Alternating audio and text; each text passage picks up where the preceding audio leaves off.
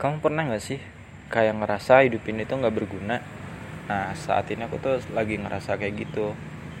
Perasaan bunuh diri tuh akhir-akhir ini selalu datang tapi aku berusaha meyakinkan diri Adnan masih ada kok alasan untuk tetap hidup untuk tetap berguna.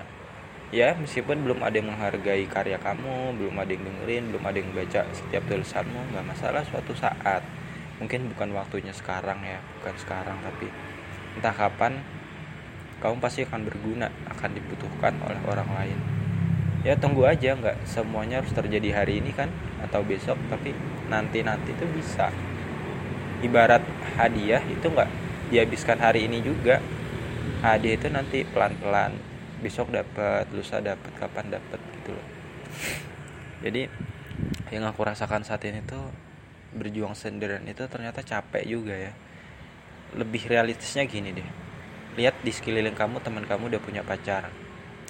Kita sama dia kan sama-sama manusia. Tapi masa lelah masa bahagia kita kan beda-beda.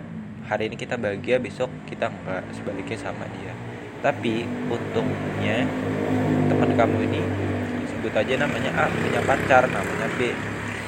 Nah saat si A ini lagi lelah oh si B ini bisa kasih semangat. Gitu loh jadi bawaan setiap hari semangat terus dong karena saling mendukung saling menjaga saling mengisi.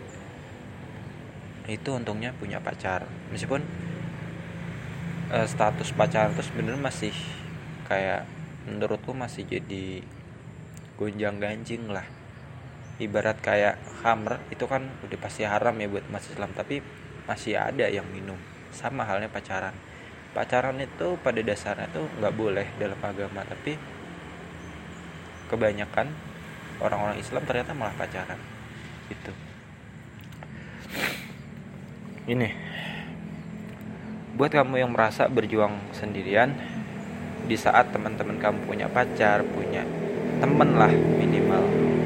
Kamu tuh nggak punya temen karena kamu punya trust isu sama orang lain. Mungkin di masa lalu kamu dibohongi dikhianati ya ditinggalin. Akhirnya kamu ketika kamu percaya sama orang-orang terus dia menjatuhkan kita jadi traumatik.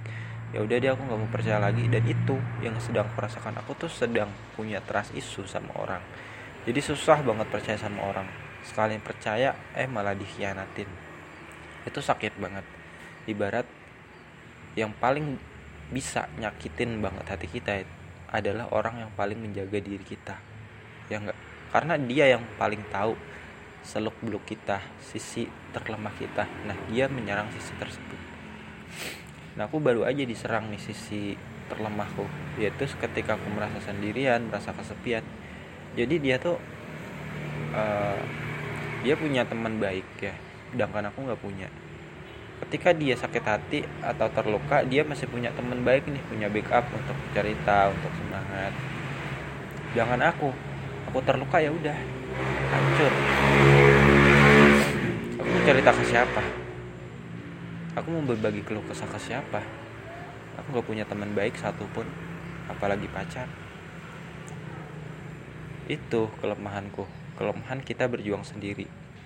Terlebih kalau kita punya trust isu kita nggak bisa percaya sama orang kita sulit untuk membuka hati dan sebagainya. Nah ini relate banget sama apa yang aku rasakan juga yaitu mati rasa sebenarnya mati rasa ini aku masih bingung juga. Mati rasa ini apakah kita mematikan semua rasa yang ada seperti cinta benci dan sebagainya sehingga kita benar-benar hampa setiap melakukan apa pun. Sekalipun itu hal yang menyenangkan atau hal yang menjadikan tapi kita nggak merasakan apa-apa. Ibarat kalau teman kita kecelakaan kita nggak nangis nggak apa kita merasa biasa aja kayak kita makan biasa aja gitu. Tapi di sisi lain aku tuh punya perasaan yang penuh gitu loh. Aku bisa merasakan sedih senang dalam satu waktu sekaligus. Entah aku punya kepribadian ganda atau apa aku nggak pernah berani untuk ke psikolog. Kenapa? Aku tuh nggak mau dia diagnosis sekalipun oleh profesional. Aku juga punya trust isu sama orang makanya aku nggak percaya sama namanya psikolog.